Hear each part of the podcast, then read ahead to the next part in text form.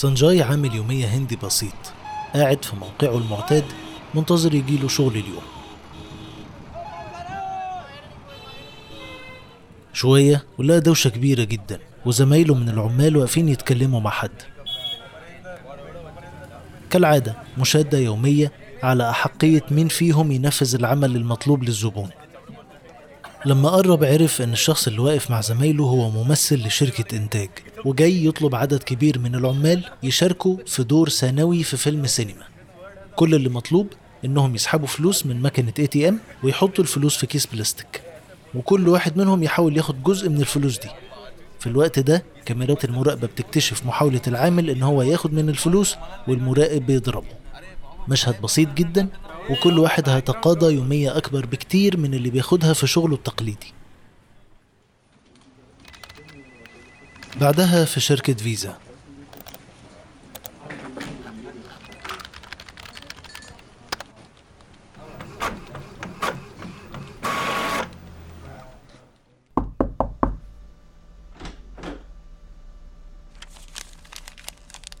ظهرت زيادة في سحب الفلوس من بنك كوزموس الهندي والشركة تواصلت مع البنك لكن محدش حس إن النشاط ده على الحسابات فيه أي شك. ولكن بعد ساعتين فيزا قررت توقف السحب تحسبا لأي نشاط مشكوك فيه. خلال الساعتين دول مجموعة لازاروس قدرت تعمل نفس السيناريو ده ونفذت بنفس الطريقة 12 ألف عملية سحب في 28 دولة جمعت فيهم 14 مليون دولار. الطريقة الغريبة دي كانت محتاجة تدريب لناس كتيرة جدا.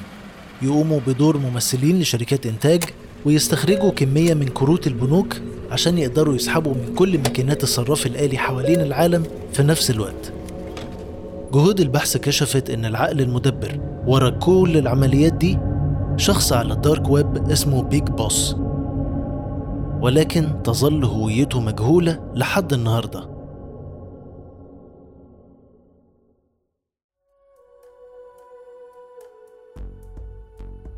أهلا بكم في بودكاست اختراق من إنتاج تكنولوجي. معاكم مهاب شريف ونير عيد. الاحتيال المالي على الإنترنت من أكثر الهجمات انتشارا وده لأن الحصول على المكافأة منه أسرع بكتير. ضيفنا النهاردة حسن البنبي. هيكلمنا عن المخاطر اللي بيواجهها القطاع المالي بسبب الهجمات الإلكترونية. القطاع المالي ده واحد من أكتر القطاعات اللي ممكن يحصل عليها attack إنه هدف آه، مالي. أنت شايف ده إزاي؟ وشايف إيه هي الحاجات اللي ممكن تتعمل للبنوك أو الشركات المالية؟ ال fintechs إنها تبدأ تأمن نفسها قبل الهجوم أصلا. خلينا نقول إن هي أكيد دي أكتر حاجات عليها العين زي ما بيقولوا. أي حد بيعمل أي attack هو عايز فلوس. فأنا عايز فلوس فبروح للمكان اللي معاه فلوس. يعني ده بالنسبة لي أهم حاجة. باجي امن مش بأمن بس ال network بتاعي. لا أنا عايز امن ال database عايز امن ال servers بتاعتي. أنا عايز امن الناس ال external سواء أنا مثلا let's أنا بنك فأنا عندي عميل بيجي فأنا عايز امن إن هو إزاي بي access أصلا المكان بتاعه اللي هو الخزنة. ففي a lot of ways of تأمين. إحنا مش بنتكلم بس cyber security بنتكلم كل لا لا في a lot of ways. ده أكتر حاجة عليها العين. مظبوط. طيب القطاع المالي ده يعتبر أكتر حاجة في الفترة اللي فاتت شفنا عليها attacks في العالم كله. حجم ال attacks دي نقدر لو عندك أرقام تقدر تقول لنا مثلا كانت أثرت بنسبة قد إيه أو على فلوس قد إيه وإزاي الناس اتعاملت معاها. يعني البنوك كانت إيه القرارات؟ ناس كتير لما جالها ransomware اضطرت إنها تدفع. إزاي الناس بتتعامل مع الأنواع دي من الهجمات؟ والله كنت بقرأ حاجة من فترة بتقول إن اللي بيحصل إن هو دلوقتي كان الناس دايما للأسف أنت بتبقى في أي شركة أو في أي حاجة حتى مش مؤسسة مش financial sector أو أنت بيبقى عندك دايما مشكلة إن حد اللي بيجي يقول لك أنا عايز أصرف فلوس عشان امن يقول لك يا عم تصرف فلوس على إيه؟ فطلع statistic دي اللي أنا كنت شفتها أكيد إن إن حجم ال ransomwares أزيد من حجم ال spendings يعني دايما أنت هو زي التأمين أنا بروح امن بدفع تأمين فبدفع تأمين رقم مثلا 3000 جنيه أو 5000 جنيه 20000 جنيه بس أنا عربيتي لو عملت total loss هي دي المشكلة فهو دايما الناس بيبقى ده percentage أقل. بس للأسف في القطاع المالي ال percentage ده أزيد بكتير. بيبقى حجم ال attacks عليه كتير. بقى في أي دايما في zero-day attacks بيبقى دايما عايز يجربها هنا. ما هو أنا عايز أجربها عايز أجربها على أكبر حاجة. القطاع المالي أكتر قطاع عليه هجمات وفي نفس الوقت هو أكتر قطاع اتأثر بالموضوع ده لأن حصل ظروف إن هو دايما هو ما ينفعش يقف. فهو لما بيحصل attack لو مش عارف أحلها دلوقتي أنا لازم أحل لازم أدفع يعني لازم أمشي الدنيا لأن الخسائر بتبقى ازيد بكتير من ال ransom فدي بتبقى دايما مشكلة. من الحاجات المهمة جدا برضو في القطاع المالي هو تسريب بيانات العملاء. لو اتسربت بيانات العملاء الموضوع بيبقى مؤذي. أنت شايف ده إزاي؟ خلال الفترة اللي فاتت بقى في تسريب كتير بقينا نسمع كتير عن بيانات بتتسرب حتى من applications مش بتاعة بنوك مش حتى بتاعة دفع. applications سواء بتاعة ركوب كان في حاجة طلعت طبعا. من كريم حاجة طلعت من اوبر فتسريب البيانات ده إزاي برضو بيأثر على القطاع المالي وإزاي ممكن يكون طريقة إن هو حد يستخدم البيانات دي إن هو يدخل أصلا على ال network بتاعة بنك أو بتاعة financial corporate يعني؟ دلوقتي البيانات بتيجي من زي ما انت قلتي شركات كبيرة جدا حاجة زي كريم حاجة زي اوبر أول ما شفت حاجة زي كده أنا قلت fake news فترة كبيرة يعني حتى هو لغاية لما لقيت مش fake وقريت حاجات في الأول قلت اللي هو إيه إشاعات كلام. مستحيل يحصل حاجة زي كده. أكيد الناس دي عاملة security matrix بتاعتها كويس قوي الناس دي بتشتغل في بلاد كتير قوي الناس دي آه، اكتشفت لا الناس دي عندها كان عندها مشاكل في ال cyber security كان عندها مشاكل في محدش كبير على ال attacks at all لأن أنت أنت الفكرة إن دي حاجة هي حاجة innovative جدا وحاجة مخيفة شوية فعلا هي مخيفة. وبدأ الحمد لله بعد الكورونا بالذات وال digitalization اللي بيحصل في العالم بدأت الناس تركز جدا جدا جدا على موضوع لا أنا ال data دي أهم حاجة عندي أهم حاجة في ال entity فأنا دلوقتي لو أنا let's say أنا مصنع عندي data عندي بضاعة وعندي عربيات أنا العربيات والبضاعة تتسرقوا بس ال data لا. يعني فبقى ال data بقى فيه focus كبير جدا. ولازم الشركات تتعظ بقى من حاجات زي كده من الخبطات لأن الخبطة لما بتحصل أنا حتى الآن حتى النهارده أنا مش حاطط ال credit card بتاعي على اوبر أو كريم even though حصل حاجات واتطوروا خلاص في trust بالي اللي اتكسر ما بقتش عايز أعمل كده. فلما بيحصل ده ما بيعرفوش يرجعوا تاني. fintechs هم أكتر ناس موجودين في. ال startups معظمهم مركز على الخدمات بتاعة ال fintechs بالذات في مصر أو في ال region. إيه هو درجة ال awareness اللي محتاج تكون عندهم؟ إيه الحاجات اللي لازم يراعوها وهم بيقدموا خدمات مالية؟ بالذات إن معظمهم مربوط على بنك. ممكن يكونوا هم backdoor لهجمات وأكيد إحنا شفنا كده يعني. فإيه الحاجات اللي لازم يراعوها وهم بيبدأوا شغلهم؟ بص كذا حاجة. واحد إحنا بنرجع لما بنبص على ال startup ده ال startup ده يبقى backed ب venture capitals فال venture capital دول لازم هم نفسهم لما يجوا يحطوا معايا دلوقتي هديك fund ال fund لازم يتقسم منه جزء كبير جدا لل IT لل technology و technology مش for growth technology for security دايما الناس بتستعمل technology for growth أسلوب من أساليب إن أنا أكبر وإن فجأة الاسم ده طلع النهارده إنه بعد شهر يبقى طلع times 10 لا أنا عايز الأول أحط بنية تحتيه زي بيقولوا بكلام بقى نرجع لل infrastructure كويس ي secure ودايما for scalability إن أنا لما عايز أعمل حاجة دلوقتي وأنا عندي 10 users أعرف أعملها وأنا عندي 100000 user فأبدأ بداية صح. فده من الجزء الأول إن أنا جاي بديك fund لا أنا أحط عليك rules الحاجة الثانية إن لازم يبقى في framework mandatory من البنك المركزي من ال FRA من الهيئات المالية وزارة المالية ان, إن هو لا أنت هتبقى تشتغل في القطاع المصرفي. أنت لازم يبقى عندك ال security controls واحد واثنين وثلاثه وأربعة. الحاجة بقى الثالثه بالنسبة للشركات نفسها دايما مشكلة ال startups في أي حاجة مش بس في كده إن هو بيبقى دايما عايز growth أنا هدفي النهارده بقيت عندي user أنا هدفي إن بعد أسبوع عندي 20 بعد شهر عندي 20 مليون. بجد بيكبروا بطريقة مرعبة ودايما مدة نجاحهم بتبقى قليلة كتير منهم لأن هم بيعملوا boom boom boom boom قوي وما بقاش عندهم scalability فلازم لا أنا لازم عشان أعمل scalability صح أحط a prioritize ال focuses بتاعتي لا من ضمنها definite cyber security زي ما قلنا أنا تخيلي بقى إن أنا كسرت ال trust مع حاجة زي اوبر أو كريم إن أنا ما بحطش ال credit card بتاعي عليه. تخيلي مع شركة لسه طالعة أنا ما أعرفش عنها حاجة. وأنا رايح أعمل معاها حاجة زي بقسط معاها let's say أو في حاجة أنا في الآخر بسلمه نفسي أنا قلقان. لا طبعا هيبقى عندي تخوف 100% منه. فلازم هم بنفسهم يبنوا صح وما يستعجلوش على ال growth فكرة ال growth بتعمل مشكلة لما أنا ما بقاش مأمن نفسي وبيحصل attacks كتيرة لأن فجأة أنا بكبر جدا وبيبدأ يبقى عليا العين الناس تبقى عارفة أنا معايا فلوس وبيحصل attacks وبيحصل مشكلة زي ما انت قلتي أنا أصلا ببقى دايما backed by بنك كبير by entity كبيرة. أكيد بيبقى فيه إن شاء الله لو thin link ما بين ده وده. وإحنا عارفين إن حد لو بقى في ال network بيفضل يمشي horizontally ممكن يفضل يمشي horizontally في ال network محدش عارف حاجة. وفجأة يحط ال attack بتاعه stop كل حاجة وقفت. ال fintech ده حاجة مستحدثة. traditionally زمان كنا دايما بنتكلم concept البنوك العادي. وده دايما كان برضو عليه اهتمام كبير من ناحية البنك المركزي. ظهر حاجة جديدة بين البنين ما بين الشركة العادية وما بين البنك اسمها fintech فال fintech ده بقى فجأة هي بتستعمل ال technology عشان خلينا نقول تطور القطاع المالي في العالم كله. فبدأ إن بقى عندنا مشكلة إن ما بقتش secure هي فجأة الناس بتعمل دي حاجة easy platform it's done for ease أو for ease of use وما بقتش secure وبدأ البنك المركزي في مصر لازم يحط عليها regulations وبدأت تاخد funds كبيرة لما بتيجي تعمل أي funds أو بتجمع funds عشان تبدأ تشتغل في ال commercial side بتاعها بقى لازم فيهم regulations إزاي هنطور ال security بتاعنا عشان نأمن ال data نأمن ال data بتاعت العملاء نأمن دخول ال platform أو دخول أي حاجة. فطبعا لأ مهم جدا.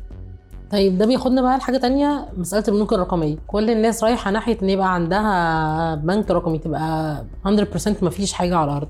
وده موجود بره فعلا بدا فشايف ده إزاي يكون secured ولو إحنا بقى قررنا إن إحنا نتحول digital 100% في موضوع ال financial sector المفروض نكون عندنا إيه؟ إيه الحاجات اللي بناخدها في اعتبارنا وإحنا رايحين؟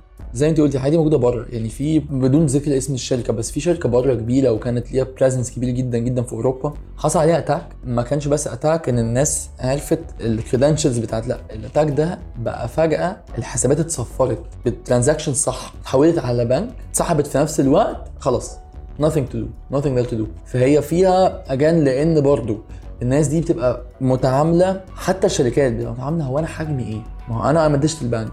ال digital bank ده أنا بدخل ب transact ب X فالبنك اللي جنبي اللي هو أكبر بنك في البلد ده بي transact ب 10000 X فأنا حجم فمش ه invest كل ده. ودايما بيوفر كوم security على ease أنا عايز أركز قوي إن الدنيا تبقى سهلة إن أنا أعمل transaction بسهولة إن أنا أبعت لحد بسهولة. يخش ال application بسهل جدا مش محتاج بقى multi factor authentication مش محتاج OTP الدنيا سهلة. عشان يخلي أنا ك client أستعمل الموضوع. فأنا بصراحة الحاجة اللي بشوفها عندنا في ال region إن لأ دايما security comes first ودايما دي بتبقى حاجة مهمة. فشايف لو إحنا نروح towards ال digital digitalization حاجة ناجحة جدا.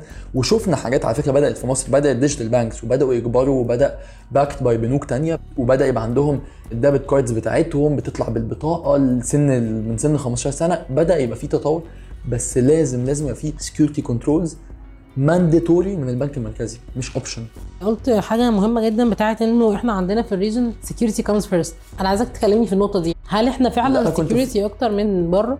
كنت في conference في أمريكا و conference ما كانش علاقة بال technology جايبين statistics على كل البلاد و... ف يعني كانوا هم بيتكلموا عن top 10 مجال cyber security مصر I think كانت number 5 ده اللي اتخضيت منه. وبعدين رحت سألت ناس كتيرة وشفت ال spendings مصر حاطة focus كبير جدا جدا جدا على حتة ال cyber security إزاي إن إحنا نأمن الموضوع ده؟ ده بالنسبة لنا حاجة هو مسألة أمن قومي. وبجد بجد ك engineers أنا بشتغل في multinational vendor ودايما الناس ال VP levels لما بيجوا هنا يقول لك المهندس المصري he's very innovative فاهم قوي شاطر بيقرأ كتير بيعرف يقعد ويركب حاجة على حاجة.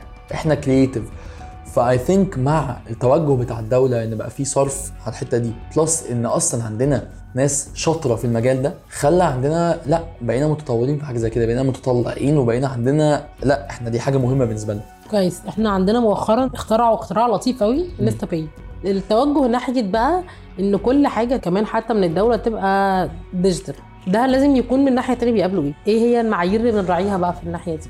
هي في حاجة actually going من البنك المركزي. أي بنك عايز يبقى معمول على ال IPN أو اللي هو InstaPay في security controls لازم ي meet.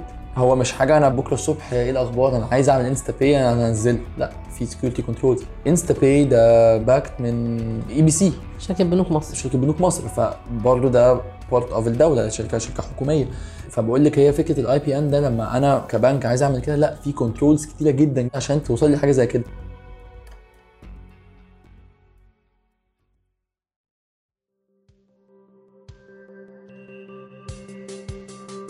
لتجنب الاحتيال المالي على الإنترنت. المهندس محمد مصطفى مدير تطوير الأعمال في MCS بيقدم لنا هذه النصائح. من المعلومات المهمة اللي لازم نعرفها دلوقتي أصبح تسعة من كل عشر أشخاص في الشرق الأوسط بيستخدموا ال payment ال digital عن طريق الإنترنت. وده خلى فيه بعض الخطورة على كيفية تأمين المدفوعات دي. وعلشان نقدر نتجنب حدوث أي نوع من أنواع عمليات الاحتيال أثناء إتمام عملية الدفع الإلكترونية لازم نبقى واخدين بالنا من بعض الحاجات اللي نكون متأكدين منها. اولا لازم أبقى متأكد من ال URL اللي أنا بعمل له browsing لأن غالبا ال URL أو الصفحة اللي أنا بتصفحها دي بتطلب مني إدخال بيانات وقد تكون البيانات دي هي شديدة السرية وبتحمل معلومات مهمة جدا خاصة بال credit cards بتاعتي أو خاصة بالحسابات الشخصية البنكية. اتنين لازم أبقى متأكد إن جهاز الكمبيوتر ده خاص بيا وكمان الموبايل بتاعي مؤمن بشكل كامل. يعني لازم أبقى متجنب إن أنا أستخدم ال devices اللي موجودة في ال internet cafes أو في المطارات أو في الأماكن العامة. تالت حاجة مهمة يفضل عدم استخدام بطاقات الائتمان أو بطاقات الخصم المباشر الخاصة بيا. دلوقتي معظم البنوك بتقدم خدمة مجانية إن أنا أقدر أتحصل على بطاقة إنفاق يتم تفعيلها لمرة واحدة. رابعا لازم أبقى مفترض إن كل شيء على الإنترنت غير مؤمن وده هيزود الحس الأمني عندي إن أنا لازم قبل إتمام أي خطوة أبقى متأكد من الخطوة دي وأتأكد إن هي مؤمنة بشكل كامل. لازم أبقى متأكد قبل ما أتعامل على الإنترنت إن هو مؤمن بشكل كامل. يعني أنا عمر ما البنك بتاعي هيطلب مني إرسال البيانات الشخصية أو البنكية عن طريق إرسالها عن بريد إلكتروني أو إن أنا لازم أروح أتصفح موقع معين عشان أدخل عليه البيانات الخاصة بيا لإتمام عملية الدفع أو إن هو بيطلب مني معلومات شخصية من المؤكد إن البنك عنده المعلومة دي. النصايح اللي سمعناها برعاية MCS شكرا لمتابعتكم. كان معاكم نير عيد ومهاب شريف. بودكاست اختراق من إنتاج تكنولوجي.